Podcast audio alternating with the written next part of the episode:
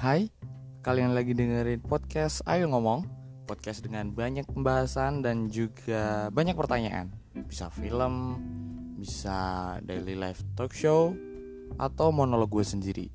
Jadi, ayo coba dengerin yuk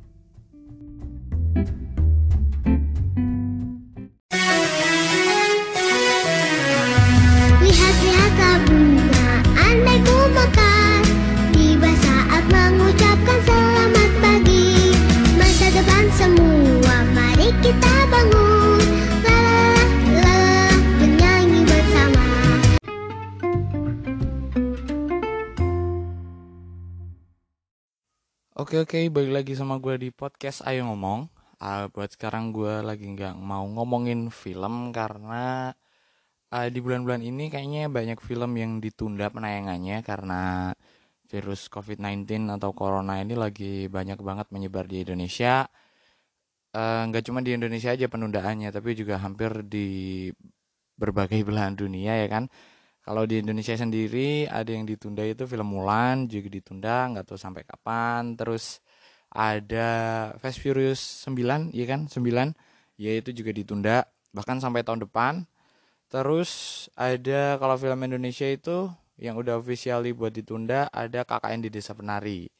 Itu ditunda sampai gue lupa sampai kapan tapi yang jelas ditunda. Jadi kayaknya bakal boring nih di bulan-bulan ini eh, podcast ini karena banyak kan ngebahas film jadi gua nggak tahu mau bahas apaan. Dan eh, muncullah ide buat ngebahas topik yang kali ini. Karena topik kali ini menurut gua penting gak penting buat dibahas karena pentingnya apa? Pentingnya ini buat nostalgia aja. Tapi nggak pentingnya ya ini kayak udah nggak perlu dibahas sebenarnya. Tapi nggak apa-apa gue tetap enjoy dengan pembahasan kali ini. Yang akan gue bahas tentang kali ini eh, tentang kartun-kartun atau anime-anime yang dulu muncul di Indonesia dan menghiasi eh, masa kecil paling gak generasi 90-an dan juga 2000-an akhir lah. Iya, 2000-an 2000-an awal, 2000-an akhir. Ya, jadi kan dulu, dulu banget nih dari mulai kayaknya nggak cuma dari 90-an tapi dari tahun 80-an sampai dengan 2010 itu setiap hari Minggu masih banyak banget eh, kartun-kartun yang muncul atau ditayangin di uh, stasiun stasiun TV kayak dulu yang paling mendominasi kan uh, RCTI sama Indosiar terus juga ada beberapa channel-channel yang nayangin lah tipis-tipis gitu. Tapi yang paling ngena banget di kayaknya di generasi 90-an ke bawah itu RCTI sama Indosiar karena punya list kartun yang banyak banget dan nggak bisa habis setiap minggunya karena uh, kalau udah habis ganti kalau udah habis ganti. Jadi uh, awet gitu dan itu membuat kita kita anak-anak pada zaman dulu tuh kalau minggu nggak mau main sebelum eh, maraton kartunya habis. Sampai paling nggak jam satu ya jam satu udah habis baru kita keluar main tuh. Nah eh, sebenarnya kapan sih eh, kartun-kartun dari Jepang itu masuk ke Indonesia? Nggak cuma dari Jepang aja tapi eh, kapan sih mulanya eh, Indonesia terus bikin maraton kartun gitu buat menghibur anak-anak di Indonesia itu mulai dari kapan Eh, kalau gue baca-baca kemarin, eh kartun atau anime-anime yang masuk di Indonesia itu udah ada dari tahun 80-an. Dari tahun 80-an gue nggak ingat spesifiknya tahun 80 berapa, tapi yang jelas eh, pada tahun 80 itu eh, anime-anime udah masuk eh, di Indonesia melalui saluran TV TVRI ya kan channel TVRI karena kan dulu the one and only channel pada tahun itu adalah TVRI. Jadi eh, tim-tim dari TVRI mencoba mencari hiburan lain selain tayangan-tayangan eh, pagelaran seni-seni tradisional. Kalau dulu di TVRI regional kan biasanya gitu. Terus eh, adanya TVRI nasional eh, membuat eh, gebrakan baru yaitu ngambil anime-anime dari Jepang buat ditayangin di Indonesia. Yang pertama kali ditayangin itu pada tahun 80-an eh, ada anime Kum Kum. Kum Kum itu eh, kartun yang mirip kalau teman-teman tahu Flintstone, ya kan Flintstone, dia kartun yang hidup di zaman purba gitu. Nah, cuman ini versi anime dan masih bocah-bocah kecil gitu Kum Kum. Gua nggak sempet nonton, gue cuman baca-baca aja. Eh, yang setahu gua terus juga ada eh, Getarobo. Getarobo itu eh, yang kayaknya sih yang mendasari adanya Transformer. Karena mirip banget, meskipun gue nggak tahu ini Getarobo itu bisa berubah jadi uh, dinosaurus apa jadi apa, tapi uh, bentuk-bentuk robotnya itu hampir sama kayak uh, Transformer. Jadi Getarobo ini kayaknya bisa nih kalau yang disebut sebagai uh, pelopornya adanya Transformer. Terus juga ada Dasion Kuro. Nah, Dasion Kuro ini uh, ini kalau gue ini bisa bisa bisa mengatakan bahwa Dasion Kuro adalah uh, uh, role model buat adanya anime Let's and Go atau Tamiya tuh. Karena uh, sama dengan konteks anime yang sama mobil-mobilan juga. Cuman bedanya kalau Dasion Kuro itu dia nggak pakai baterai teman-teman. Uh, Dasion Kuro itu mainnya didorong pakai uh, tongkat gitu. Nah, itu ada dulu animenya tahun 80-an tuh dan sekarang uh, dan di 2000-an kan dibikin Let's and Go atau Tamiya. Sama lah konteksnya, cuman beda pakai dorongan awal pakai baterai gitu. Nah, uh, pada tahun 80-an uh, TVRI ngambil anime-anime dari Jepang itu sebenarnya kartun-kartun yang diambil itu produksinya tahun 70-an. Jadi kayak Indonesia itu telat telat booming 10 tahun gitu Iya telat booming 10 tahun baru masuk ke Indonesia dan eh, nggak uh, apa-apa meskipun telat 10 tahun di Indonesia baru menikmatinya tahun 80-an itu tetap menjadikan gebrakan baru. Karena ratingnya kan ah, meskipun di tahun dulu belum kenal share and rating ya kan ya siapa yang mau nyaingin TVRI ulang channelnya cuma satu ya. Dulu sempat menjadi tayangan yang favorit banget buat anak-anak di Indonesia ini. Ada ada anime-anime yang diambil kayak Kum Kum, uh, Dasion Kuro, Getarobo, terus ada uh, banyak lah yang di situ. Karena setelah kum kum sukses terus ngambil banyak lagi di TVRI pada tahun 80-an itu. Dan uh, seiring berjalannya waktu karena di tahun 80-an uh, TVRI udah sukses ngambil kartun-kartun Jepang atau anime-anime di Jepang buat ditayang di Indonesia akhirnya uh, itu berlanjut di tahun 90-an dan seiring berjalannya waktu juga stasiun TV nambah nih nggak cuma TVRI aja. Karena di tahun 80-an belum banyak kan eh, atau bahkan nggak ada channel yang bisa diakses selain TVRI dan di tahun 90-an banyak muncul stasiun swasta nasional kayak eh, RCTI terus ada Indosiar itu eh, muncul di tahun 90-an dan eh, kayaknya formula itu udah berhasil buat menarik anak-anak di Indonesia ya kan. Akhirnya itu diikuti oleh eh, RCTI nih RCTI yang pertama kali uh, mengikuti jejak dari TVRI buat ngambil anime-anime buat ditayangin di uh, channelnya di stasiun TV-nya.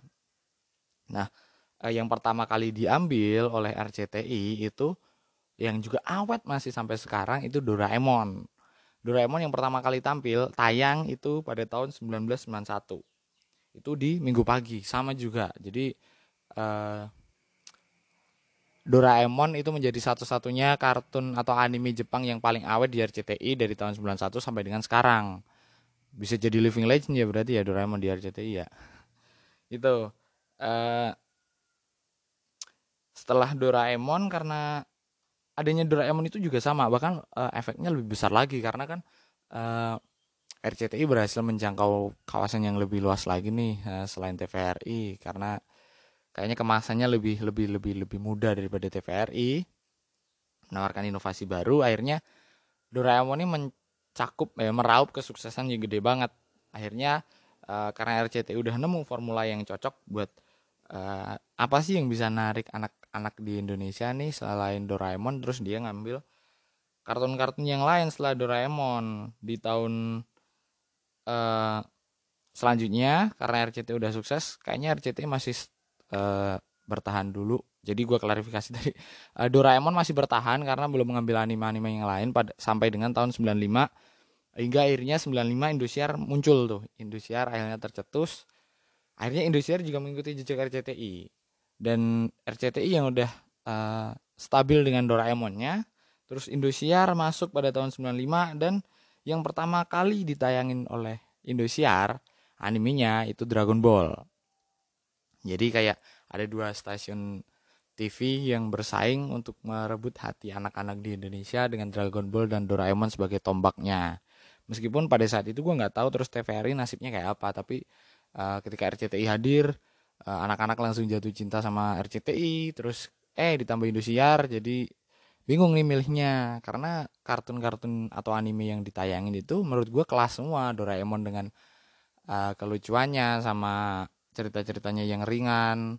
Terus uh, di Indosiar punya Dragon Ball dengan petualangannya dan juga action-actionnya yang juga menarik mata sama jurusnya yang gampang diingat. Kamehameha ya kan? Dan di situ setelah ada dua kartun itu yang menjadi tonggak kebang uh, awal dari kejayaan anime di uh, stasiun TV Indonesia maka itu diikutilah oleh kedua channel itu buat ngambil anime yang lebih banyak lagi. Dan uh, sebenarnya yang terus ketagihan buat ngambil anime dari Jepang itu Indosiar.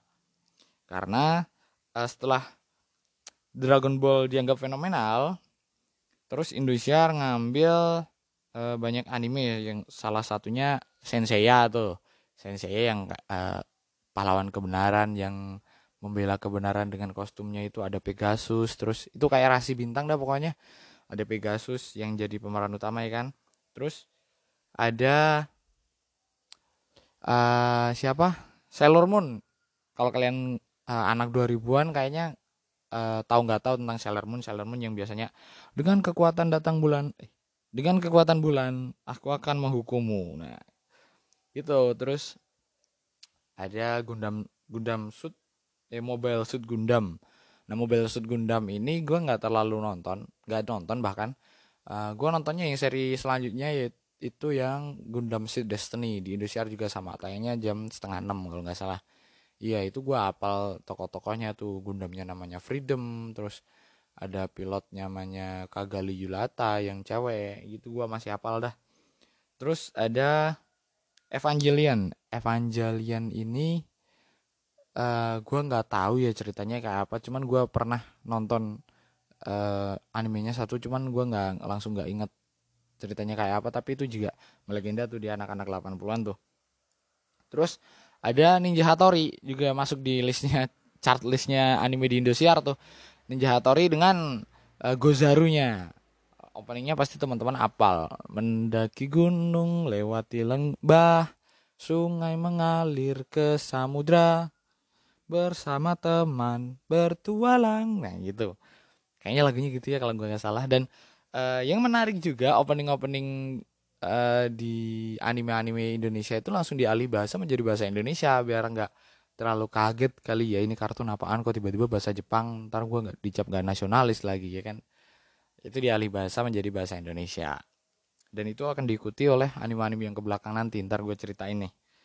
Uh, setelah Ninja Hattori dia juga ngambil Mojako. Mojako ini produksinya sama dengan Doraemon uh, karena tokohnya sama tokoh utamanya mirip Nobita terus juga ada tokoh yang kayak Doraemon cuman bukan bukan Doraemon kayak apa monster terbang gitu dia punya baling-baling dah gitu. Terus juga ada BTX BTX itu asli namanya bukan BTX namanya BitX nah itu hampir sama kayak uh, Pegasus. Kostumnya sama cuman bedanya si BitX, BTX ini uh, dia punya robot yang bisa ikut bertarung lah gitu emang beat emang jago-jago deh. Terus ada Minky Momo. Minky Momo ini dulu kartun yang identik buat cewek nih karena ya emang pemeran utamanya cewek ya kan?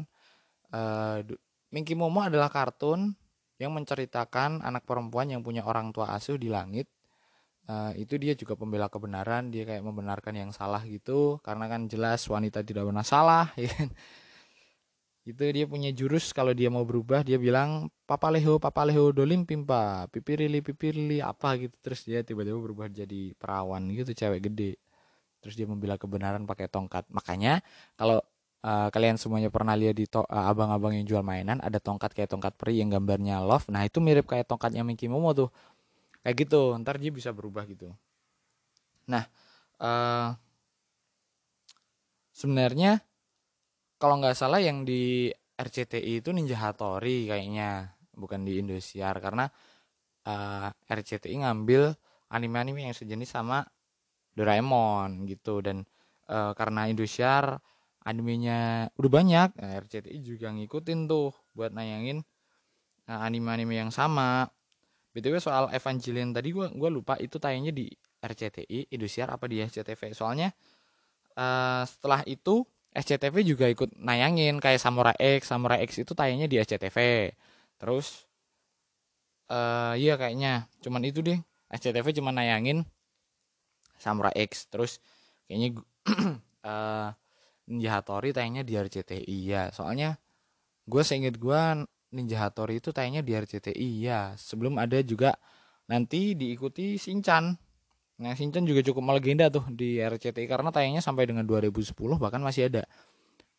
Uh, Shinchan ditutup atau enggak ditayangan lagi itu karena menurut KPI itu uh, menayangkan adegan kekerasan terhadap anak ya. Tahu sendiri kan emaknya Shinchan galaknya kayak apa, terus suka nabokin pantatnya si Shinchan ya kan. Jadi itu menimbulkan adegan kekerasan jadinya ditutup deh. Padahal backstorynya Shinchan kan cukup uh, apa sedih ya kan?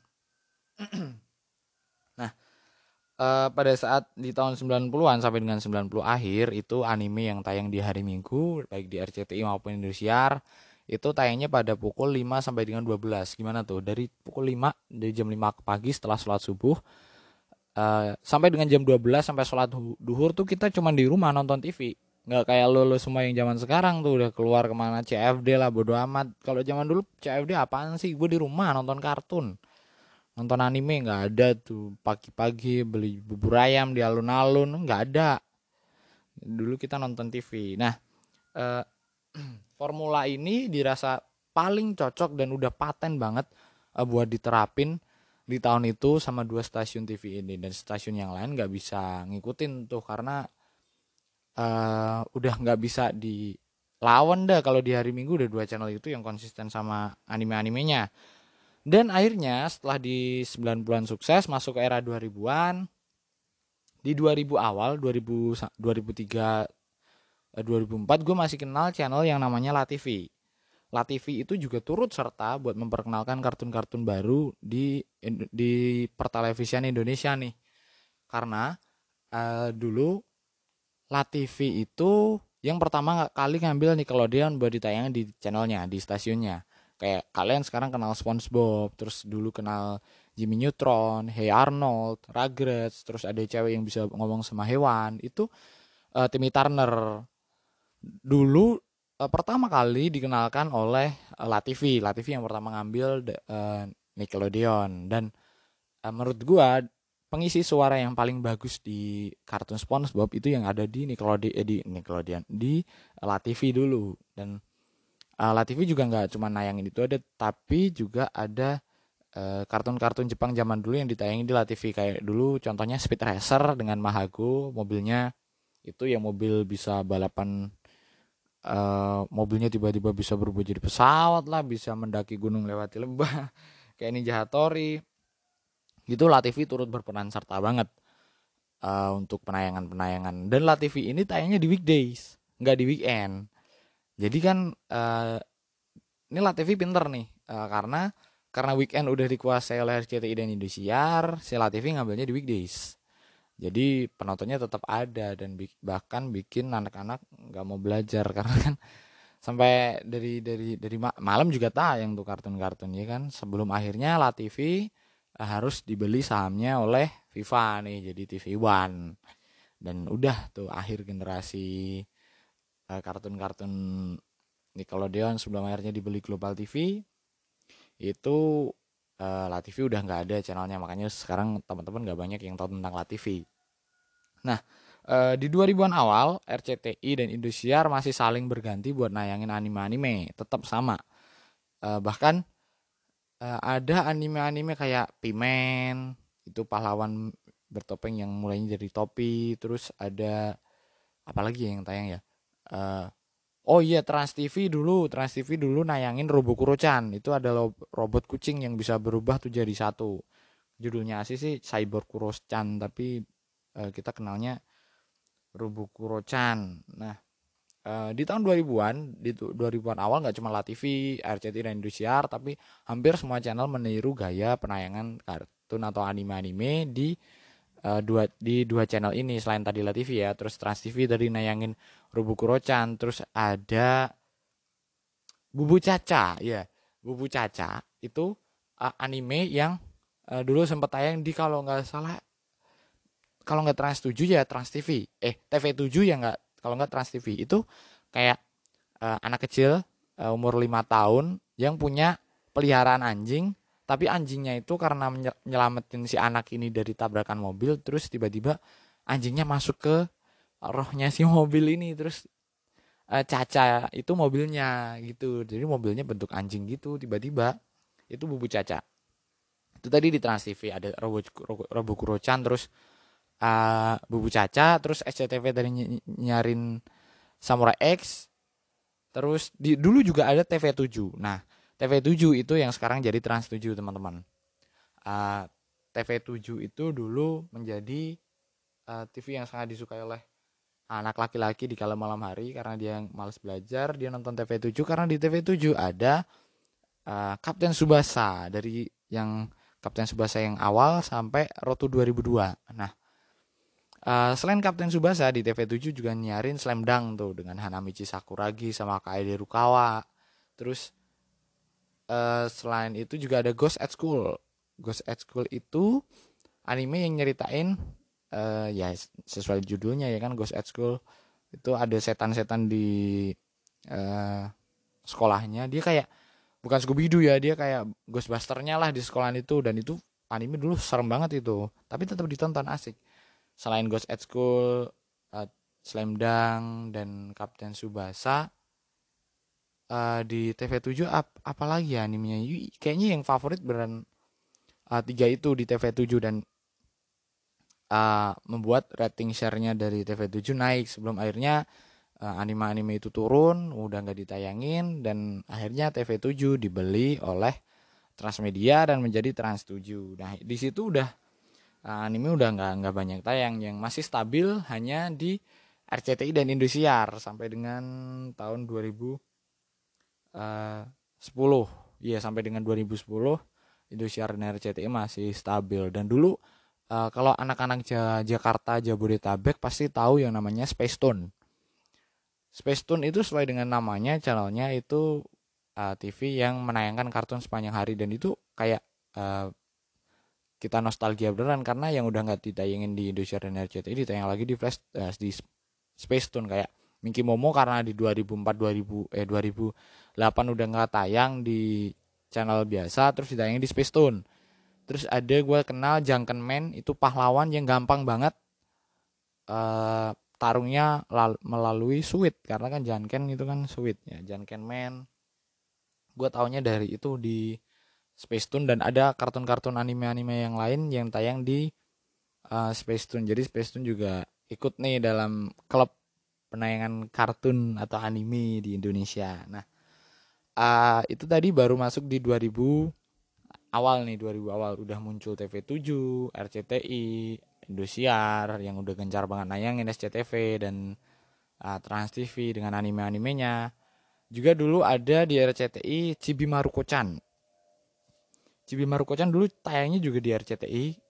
Uh -uh, itu dulu dan di tahun-tahun 2010-an ini kemarin sempat tayang di RTV kalau nggak salah ya dan itu anime yang asik banget karena cerita kebanyakan dari semua anime yang tipikalnya kayak Doraemon, Chibi Maruko-chan, terus ada Ninja Hattori, uh, Shinchan itu ceritanya ringan-ringan tapi asik buat dinikmatin. Jadi kayak buat ngisi waktu luang gitu uh, beneran cocok. Terus uh, masuk di 2004 ke atas itu uh, acaranya udah banyak ganti. Yang gue sebutin itu tadi udah dibungkus semuanya dan gak tayang. Terus muncullah uh, di Indosiar udah ganti uh, ada Crash Gear terus ada Beyblade ada Bakugan. Itu udah tayang di Indosiar di tahun 2004 2005 sampai 2009 ya kalau nggak salah itu tayang ketiga anime itu. Dan uh, yang menarik kalau anime yang pakai media mainan gitu pasti akan laris karena ada mainan yang bisa dibeli dan kalau misalnya kartun ini tayang gue bisa kayak ikut mainin gitu. Meskipun yang nggak ada efeknya apa-apa ya kan jurusnya juga nggak bisa kita ikutin. Itu sampai akhirnya ada uh, Pikachu. Pikachu sebenarnya masuk di 2000-an awal. Link Pikachu uh, Digimon gagal move on ya. Itu Pikachu sama Digimon eh Pokemon dan Digimon itu masuk di tahun yang sama di 2000-an awal. Itu long last juga sampai tahun 2000 uh, 10 atau 11 gitu. Masih tayang di arcade eh, di Indosiar.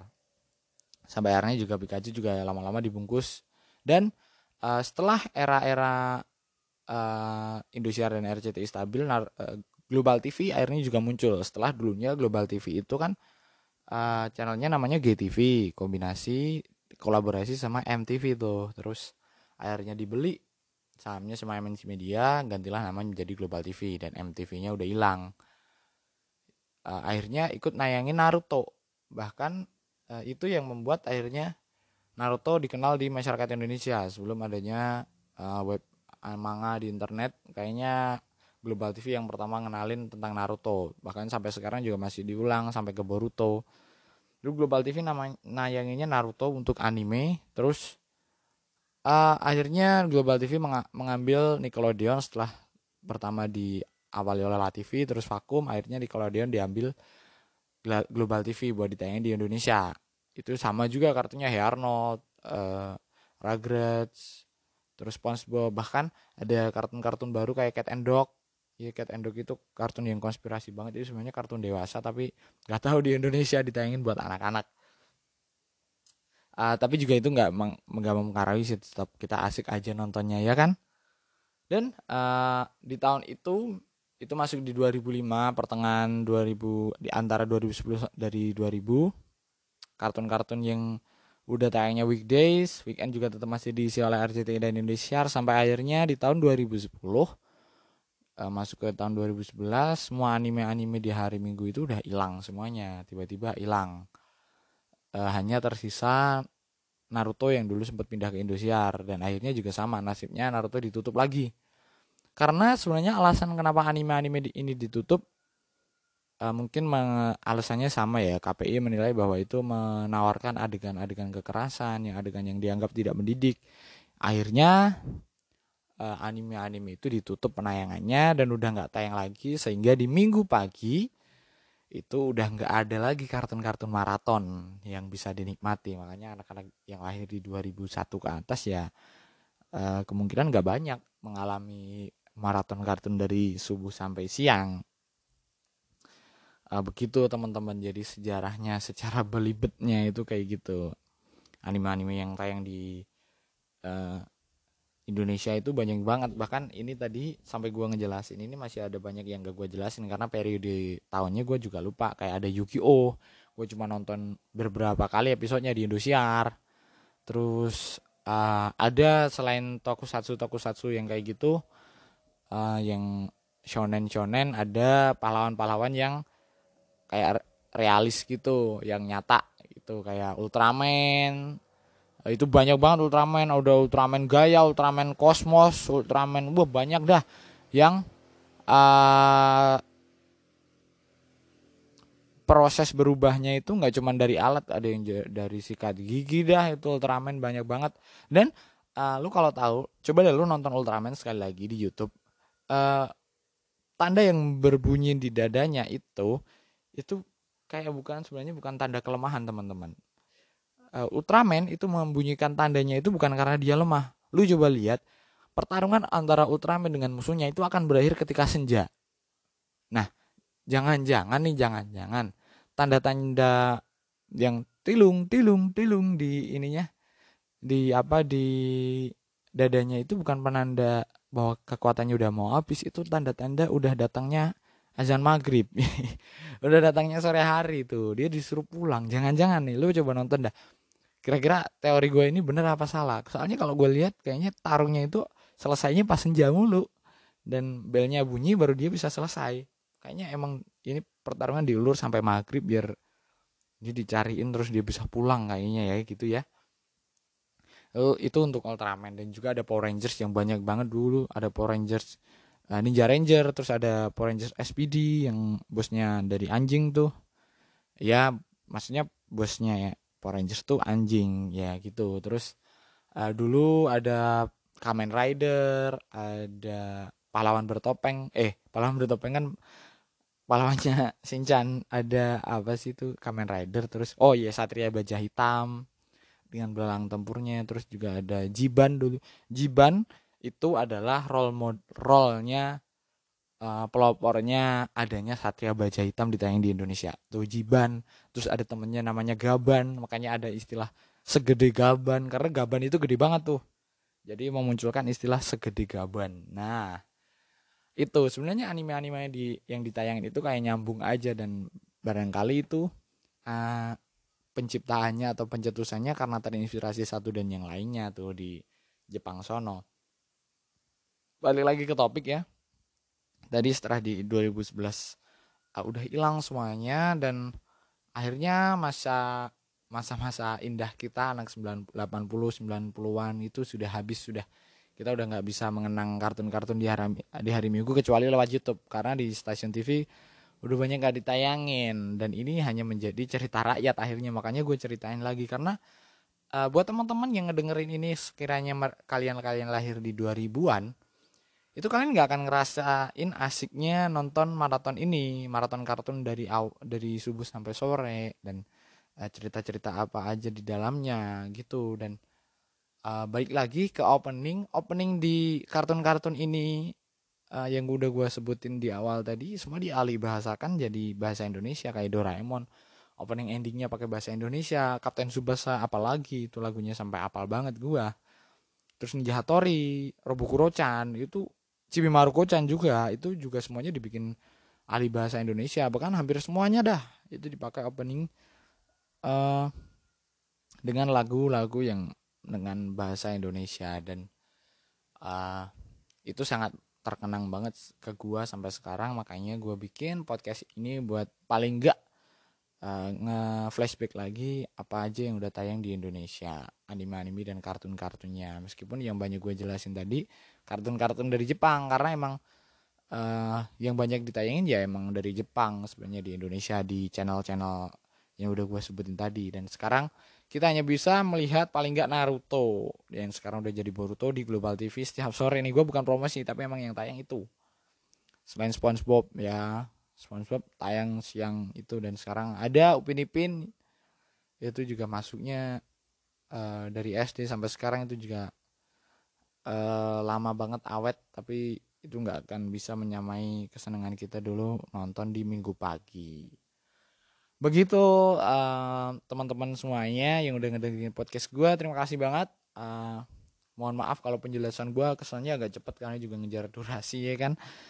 Uh, yang jelas gue sangat menyukai masa-masa itu di tahun 90-an di era gue lahir dan gue tumbuh sampai dengan sekarang gue ditemenin oleh kartun-kartun yang ngasih gue kesenangan pribadi dan harapannya lu tetap bisa nonton di platform-platform uh, YouTube platform YouTube uh, lu bisa nonton semuanya kalau masih ada dan coba dah lu nikmati kesenangannya masih sama apa enggak. Yang jelas uh, terima kasih buat yang udah ngedengerin podcast gua. Jangan lupa dengerin podcast gua selanjutnya uh, di episode episode selanjutnya. Gua nggak cuman melulu bahas film tapi juga pembahasan yang menurut gua penting karena uh, idealisme gue tercipta di situ. Dan terima kasih semuanya udah ngedengerin. Uh, pokoknya semuanya jangan diem. Daripada diem ayo ngomong